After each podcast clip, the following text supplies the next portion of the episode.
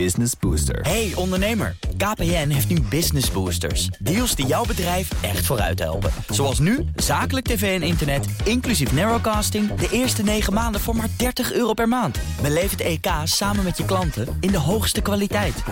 Kijk op kpn.com slash businessbooster. Business Booster.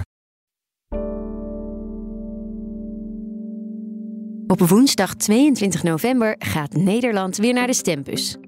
Om orde te scheppen in de politieke chaos van debatten, relletjes en proefballonnen, dook het FD voor jou in de verkiezingsprogramma's. Om te kijken wat de verschillende partijen nou echt willen op het gebied van de woningmarkt, de economie, het klimaat, migratie en de overheid. Welke keuzes maken de verschillende partijen in hun programma's? Wat ligt er straks op de tekentafel? Waar liggen de verschillen en waar juist de overeenkomsten met andere partijen? Dat zoeken we in deze podcast voor je uit. Mijn naam is Elfanie Toulaar en dit is een kwestie van kiezen. Ook op een manier dat Nederland daarin voorop kan lopen in de wereld. En dat kunnen wij. Eh, we zijn net zevende geworden eh, voor Duitsland, Frankrijk en Italië als eerste land van de Europese Unie bij de Olympische Spelen. Ik ben ervan overtuigd in de Olympische Spelen van het klimaat eh, dat wij zowel in het halen van die doelstellingen, maar zeker ook waar het betreft de economische kansen en de innovatiekansen die erachter wegkomen en het creëren van miljoenen banen waarvan we het bestaan nu niet weten, dat Nederland ook nummer één kan zijn. Dit is een belangrijk moment eigenlijk in de Nederlandse geschiedenis van het klimaatbeleid. Het is eigenlijk nog niet eens zo heel lang geleden, want dit is de zomer van 2021. Het is net na de overstromingen in Limburg. En je hoort hier Mark Rutte, toch leider van al jaren de grootste partij in Nederland, zeggen dat Nederland Olympisch kampioen klimaataanpak moet worden. En dat is een belangrijk moment omdat het een draai geeft in hoe de VVD naar het Nederlandse klimaatbeleid kijkt. Eigenlijk is de VVD een partij geweest die altijd een wat conservatief groen beleid heeft gehad. En ook altijd heeft gezegd dat als wij eh, klimaatmaatregelen nemen, dat het dan wel haalbaar en betaalbaar moet zijn. Wat ook impliceert dat, wanneer het dat niet is, dat we dan het ook niet uitvoeren. En je ziet hier, dit is dus net na de overstromingen in Limburg. Dat heeft een miljarden uh, schade gekost uiteindelijk in die provincie. En in Duitsland uh, zijn er daardoor zelfs doden gevallen. Het is een moment waarop je eigenlijk ziet dat klimaatverandering helemaal niet iets is wat heel erg ver weg is, maar dat het iets is wat ons nu ook al raakt en waar je als land dus stappen in moet nemen. En het is ook een moment uh, in, in die zomer van 2021 dat de Verenigde Naties weer een belangrijk nieuw klimaatrapport uitbrengen. Waarin de laatste stand van zaken over de opwarming van de aarde wordt geschetst. Waarin ook heel erg duidelijk is dat er klimaatverandering nu al plaatsvindt en dat landen daar echt iets aan moeten gaan doen. Je hoort Orla McDonald. Zij schrijft voor het FD over het klimaat. Een onderwerp dat niet alleen de politiek, maar ook het maatschappelijke debat al tijden beheerst. Behalve Orla hoor je ook van Bas Knoop en Vasco van der Boon in deze aflevering. Bas is politiek verslaggever en Vasco schrijft voor het FD over landbouw. In deze aflevering gaan we het namelijk niet alleen hebben over het klimaat, maar ook over stikstof. Want hoewel die twee niet altijd met elkaar te maken hebben, zijn er wel veel overeenkomsten tussen die twee heetgebakerde onderwerpen. Eén daarvan is dat ze beide hoog op de politieke agenda kwamen te staan na een uitspraak van de rechter. In, in 2015 hadden we de, de bekende Urgenda klimaatzaak, aangespannen door milieuorganisatie Urgenda tegen de Nederlandse staat waarbij Urgenda in het gelijk werd gesteld en de rechter het Nederlandse kabinet opdroeg om de uitstoot van broeikasgassen met minimaal 25% terug te dringen in 2020 ten opzichte van, uh, van 1990. Het kabinet dat er toen zat was Rutte 2. Daarna kwam het kabinet Rutte 3. En daar, in dat kabinet, was er voor het eerst een, een minister van Economische Zaken en Klimaat. De, de, onderhandelende partijen, VVD, D66, CDA en de ChristenUnie spraken af om een uh, klimaatakkoord te gaan, uh, te gaan formeren. Er kwam een klimaatwet. Dus dat was eigenlijk de, de start van Rutte 3 in 2017 was eigenlijk het eerste moment dat er breed in Den Haag over klimaat werd gesproken ter vergelijking, de, de, verkiezingscampagne van 2017 was het eigenlijk helemaal geen thema.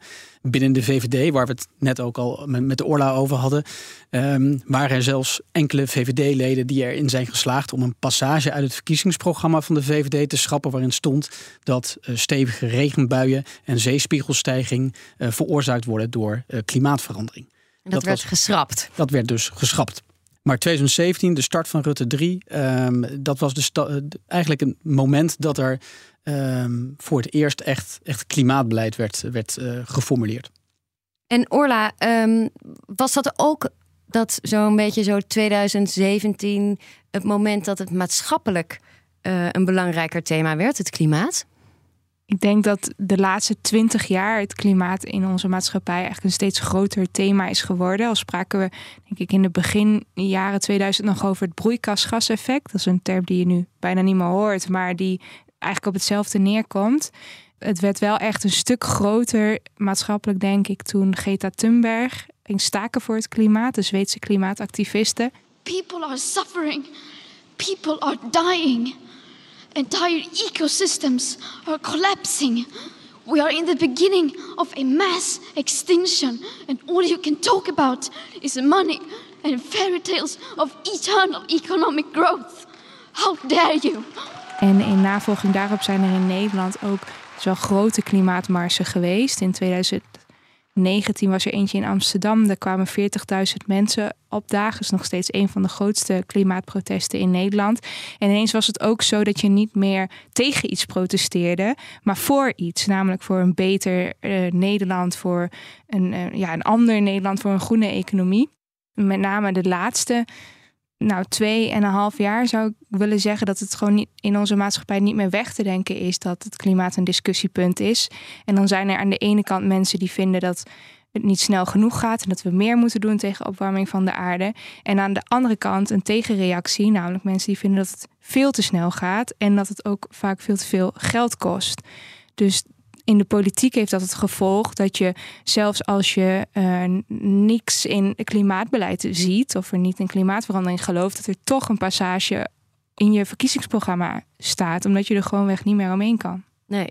Nou, en er was natuurlijk nog een reden. Bas zei net al even de Urgenda-zaak. Er waren meerdere rechtszaken hè, die tot actie dwongen. Nou, de Urgenda-zaak was wel de allerbelangrijkste. En ook de allereerste eh, in Europa. En dat heeft ook in andere Europese landen navolging gekregen. Bijvoorbeeld in Frankrijk en in Duitsland. En een andere recente belangrijke rechtszaak is die tegen Shell. In 2021 zag ik het voor het eerst dat een bedrijf van de rechter een nieuw klimaatdoel krijgt opgelegd. Of krijgt opgelegd dat ze sneller CO2 moeten reduceren. Ik beschouw het eigenlijk als de bijl aan, aan, aan de wortels van de rechtsstaat ik vind dit eigenlijk wel een parlementaire enquête waardig. Dat hier echt eens een goed onderzoek naar gaat gebeuren. Hoe dit heeft kunnen gebeuren. We hoorden hier Johan Vollebroek na een uitspraak van de Raad van State. die in mei 2019 het begin werd van de stikstofcrisis. Vasco, hoe kwam die tot stand? Nou, het gevolg van die uitspraak was de stikstofcrisis. Uh, de, de, door, door die uitspraak heeft de hoogste rechter van Nederland het hele overheidsbeleid uh, ten aanzien van mest, ten aanzien van stikstof, uh, naar de prullenbak verwezen.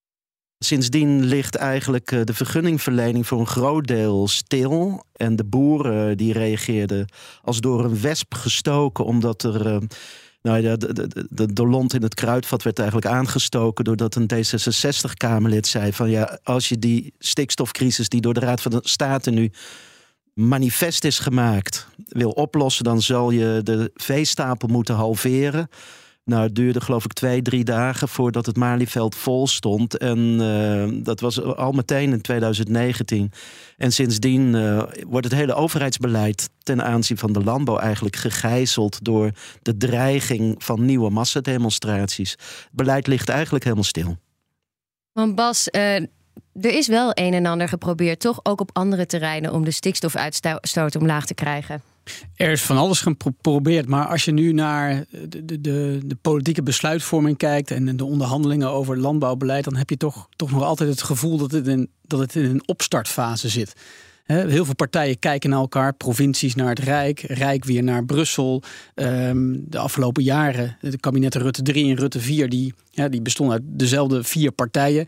De onderlinge verdeeldheid was groot over hoe ga je nu dit stikstofprobleem uh, oplossen. We zijn allemaal 100 gaan rijden op de snelweg. Een maatregel waarvan inmiddels vaststaat dat die ook nu heel veel bijdraagt aan het uh, terugdringen van de, van de depositie.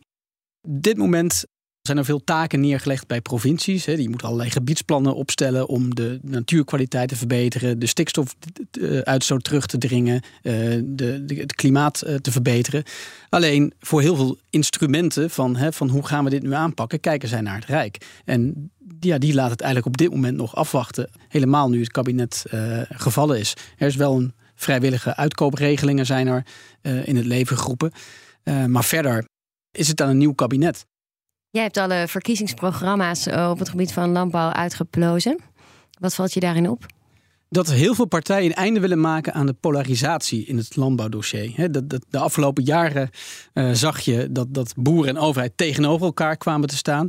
Nou ja, misschien als de, als de onderhandelingen over het landbouwakkoord één ding hebben opgeleverd, is dat ze in ieder geval weer met elkaar in gesprek zijn. En dat gesprek, als je, als je tussen de regels in die verkiezingsprogramma's doorleest, dat gesprek willen partijen eigenlijk van links tot rechts allemaal blijven voortzetten. Het zou mij ook niet verbazen dat ook een volgend kabinet weer gaat proberen om toch iets van een landbouwakkoord te gaan, uh, te gaan sluiten met het, het maatschappelijke middenveld. Maar ja, dan, dan is natuurlijk wel weer de vraag: wat gaat daar dan in komen te staan? Hè? En wat wordt het verdere stikstofbeleid? Ja, als je de programma's leest, dan zie je daar toch wel grote verschillen in. Links-progressieve partijen als D66 en GroenLinks PvdA, die houden vast bijvoorbeeld aan 2030 als, uh, als jaartal waarin de uitstoot moet zijn uh, gehalveerd.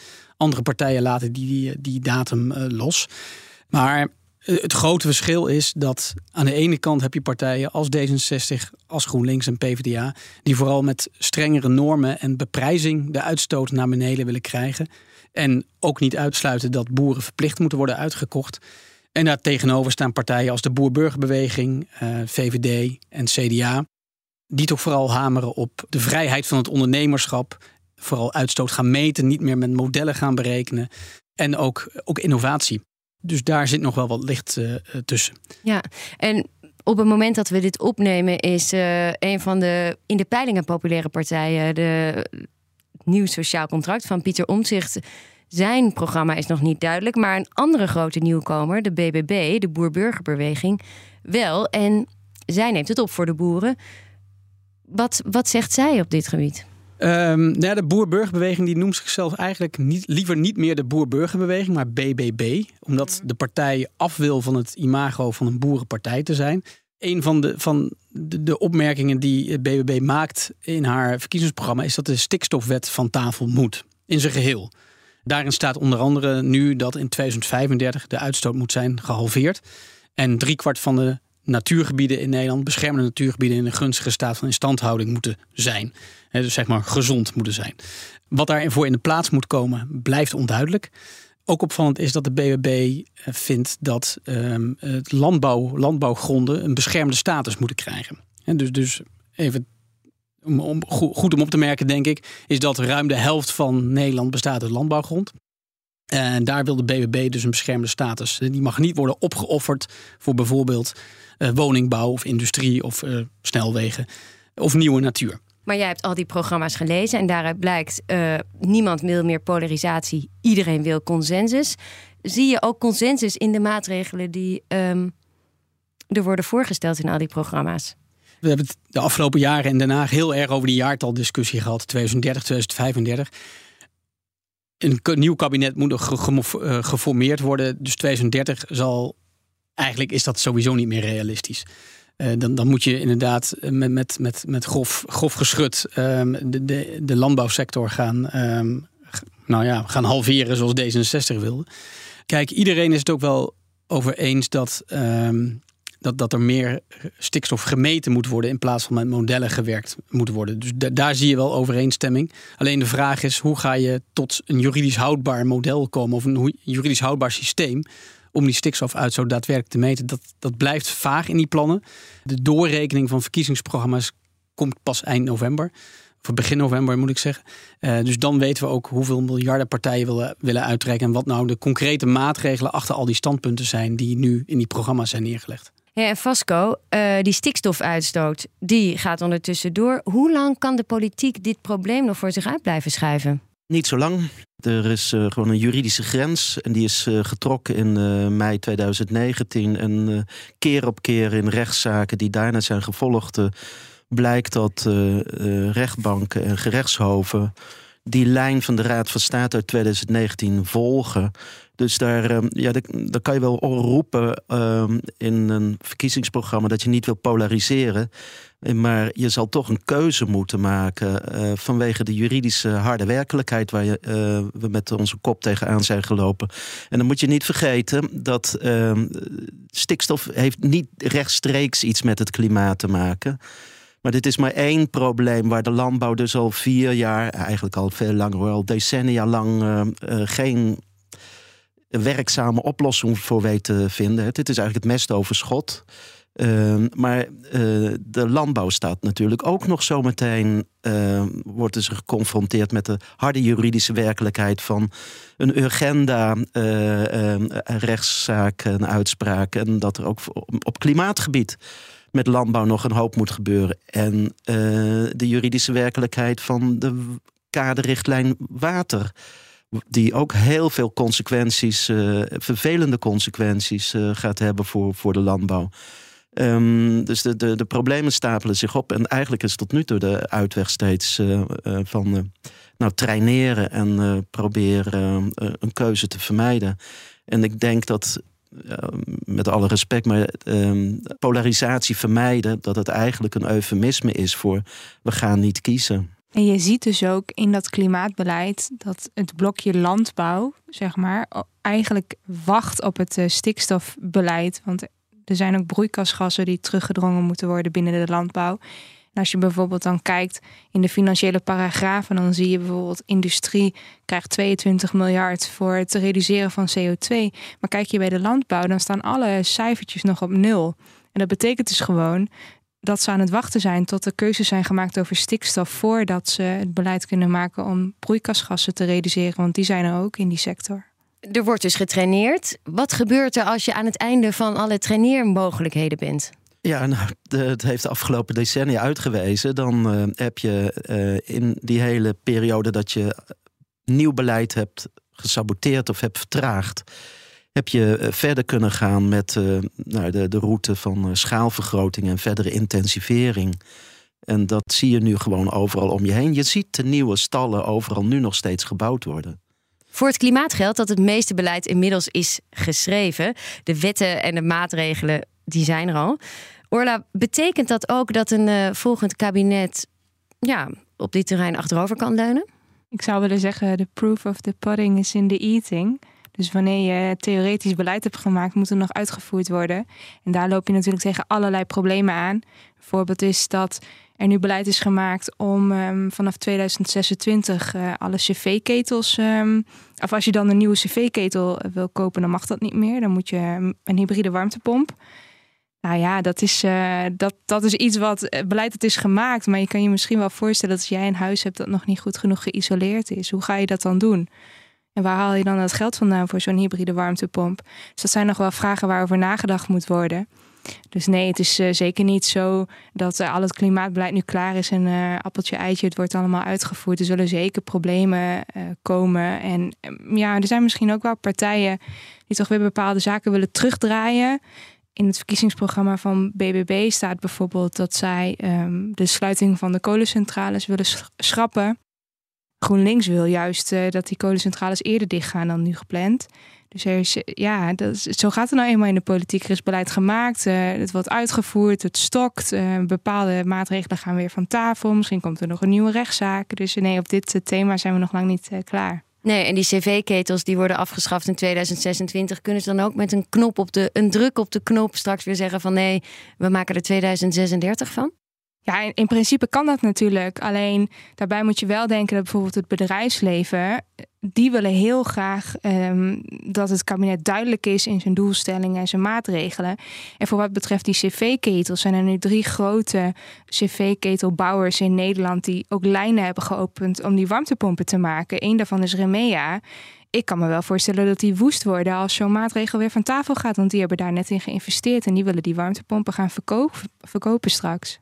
Wat zijn de grote thema's op dit terrein waar het volgende kabinet keuzes over moet maken? Nou, ik zou wel zeggen, een heel urgent thema zijn de fossiele subsidies, of eigenlijk de de fossiele steun, dus de belastingvrijstellingen voor het gebruiken van fossiele energie. Dat is ook de reden dat de Extinction Rebellion bijvoorbeeld zich vastplakt op snelwegen. Ehm, en een ander belangrijk thema is toch ook wel weer kernenergie. Ehm, de VVD wil vier grote kerncentrales in Nederland bouwen. Uh, GroenLinks wil hele, of GroenLinks PvdA moet ik natuurlijk zeggen, wil helemaal geen uh, kerncentrales in Nederland bouwen. Uh, ja, wat gaat er op dat, dat gebied gebeuren? Um, andere ander belangrijk thema is wel, het is, het is misschien niet zo'n heel sexy onderwerp om te noemen, Um, maar het is netcongestie, dus het, het volgelopen Nederlandse stroomnet. Er zijn bijna geen um, bedrijven meer die zich aan kunnen sluiten om bijvoorbeeld laadpalen te plaatsen voor hun elektrische busjes. Um, dat is een, een urgent thema dat opgelost uh, zou moeten worden. Zo, ja, zo zijn er nog wel, wel, wel meer dingen. Je moet je ook voorstellen, het is een, een transformatie van de hele e fossiele economie naar een duurzame. Dus op alle vlakken zullen er dingen moeten gebeuren. Ja, ik, ik ben ook wel benieuwd hoe het, hoe het de komende kabinetsperiode gaat met, met wat dan heet groene industriepolitiek. dat is eigenlijk door, door dit kabinet uh, ingezet, het demissionaire kabinet. En dat is eigenlijk om met uh, de grootste industriële uitstoters maatwerkafspraken te maken om, om te vergroenen. En in ruil daarvoor krijgen die bedrijven dus subsidie van, uh, van, van de overheid. Ehm, en uh, spant de overheid zich in om bijvoorbeeld die netcongestie op te lossen, maar ook om uh, waterstofinfrastructuur uh, aan te leggen. Er zijn nu acht intentieverklaringen gesloten met, met, met grote bedrijven, als, als Yara bijvoorbeeld. Um, maar ja, dat, de ambities lagen bij het begin van dit kabinet veel hoger. Dus, dus de vraag is: um, gaat dat nog uh, echt uh, tot, tot wasdom komen in de komende kabinetsperiode? Als je de verkiezingsprogramma leest, verkiezingsprogramma's leest van partijen, dan, uh, dan willen veel partijen daarmee doorgaan. dus daar ben ik wel benieuwd naar hoe dat, zich, hoe dat zich gaat ontwikkelen. Heb je daar voorbeelden van, wat je daarin terugleest? Nou ja, in, in die programma's zie je eigenlijk dezelfde um, tegenstelling als bij, bij landbouw tussen, tussen links progressieve en meer conservatieve partijen. Dus hoe ga je nou dat klimaatprobleem oplossen? Um, ga je dat doen met vooral uh, subsidies? Of ga je toch vooral inzetten op normeren en beprijzen? En bij, bij partijen als D66 en GroenLinks PvdA, daar moet uh, de vervuiler veel meer gaan betalen. Um, bij VVD en CDA is dat, is dat, uh, is dat minder. Maar ja, daar zit, daar zit dus wel de spanning. Hè? Van als, als die partijen straks met elkaar moeten gaan samenwerken, wat, wat levert dat dan voor een klimaatbeleid op? Het, het gaat eigenlijk, sommige partijen die, die willen het, het hele systeem veranderen in, in, hoe wij leven, hoe wij consumeren, hoe de economie draait. Welke partijen zijn dat? D66, GroenLinks, PvdA, um, ehm, SP ook, Volt. Partij um, voor de Dieren. Partij, ja, Partij voor de Dieren helemaal. Um, kijk je naar VVD en, en, en, uh, en CDA, die willen eigenlijk de bestaande economie vergroenen. Waar we het eerder deze uitzending of deze podcast over hadden, was dat, dat, dat VVD en CDA in het begin wat terughoudender waren. Vooral hamerden op, op behaalbaar en betaalbaar. Zorgen, zich zorgen maakten om de bezorgde burger en, en, zijn of haar energierekening.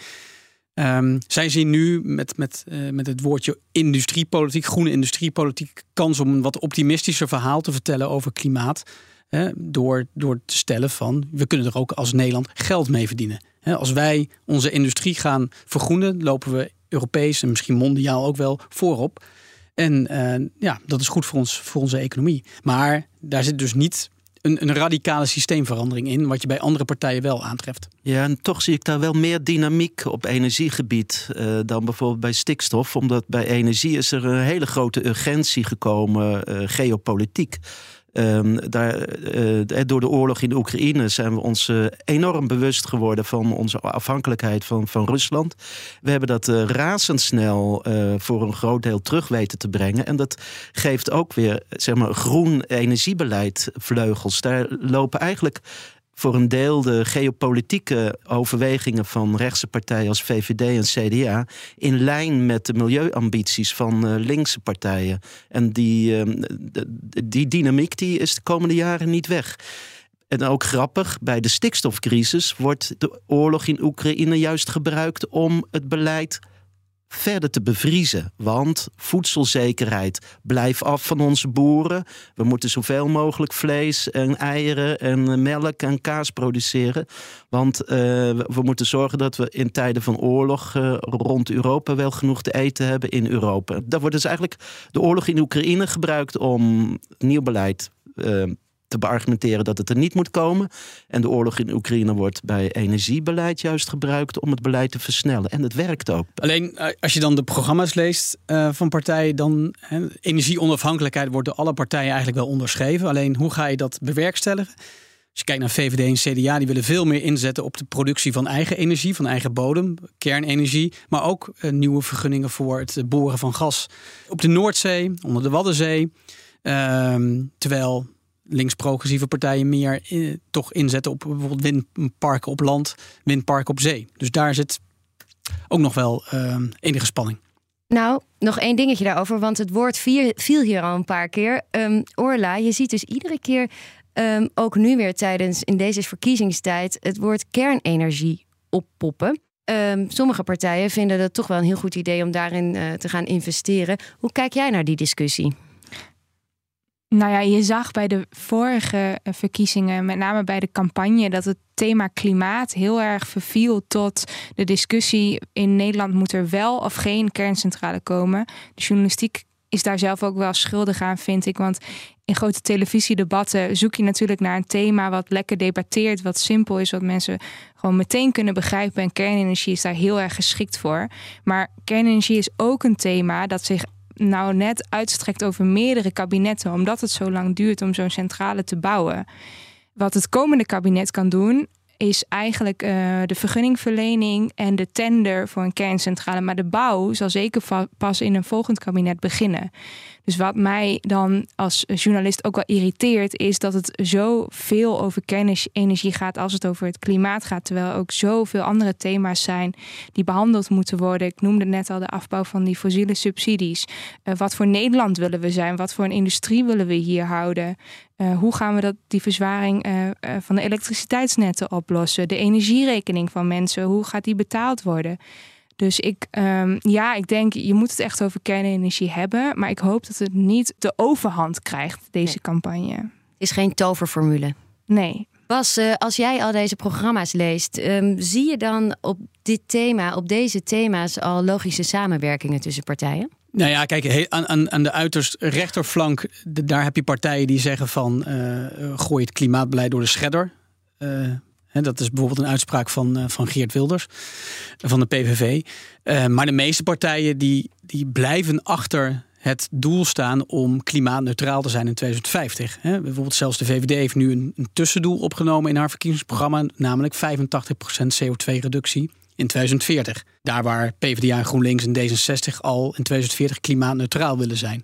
De laatste jaren, dat was, was tussen 2017 en 2019, 2020, was het vrij gepolariseerd. Maar de laatste jaren is, waar we het eerder al over hadden, is het besef bij iedereen wel doorgedrongen dat actie vereist is om eh, de gevaarlijke opwarming van de aarde tegen te gaan. En dat daar best uh, overeenstemming over te vinden is.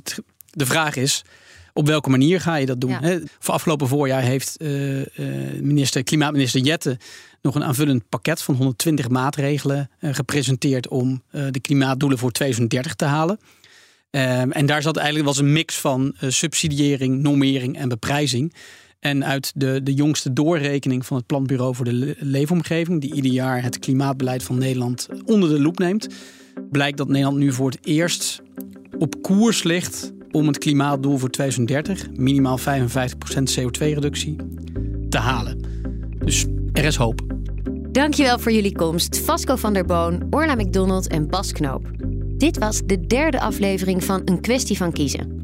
Volgende week staat er weer een nieuwe aflevering voor je klaar. Dan gaan we het hebben over migratie. Alle afleveringen kun je terugluisteren op fd.nl/slash podcast of in je podcast-app. De redactie, productie en montage van deze podcast zijn in handen van Yilda Bijboer en van mij, Elfanie Toulaar. Met dank aan Anouk Turkenburg en Saskia Jonker. En aan Visionair Ordinaire, dat de muziek maakte. Graag. Tot de volgende keer.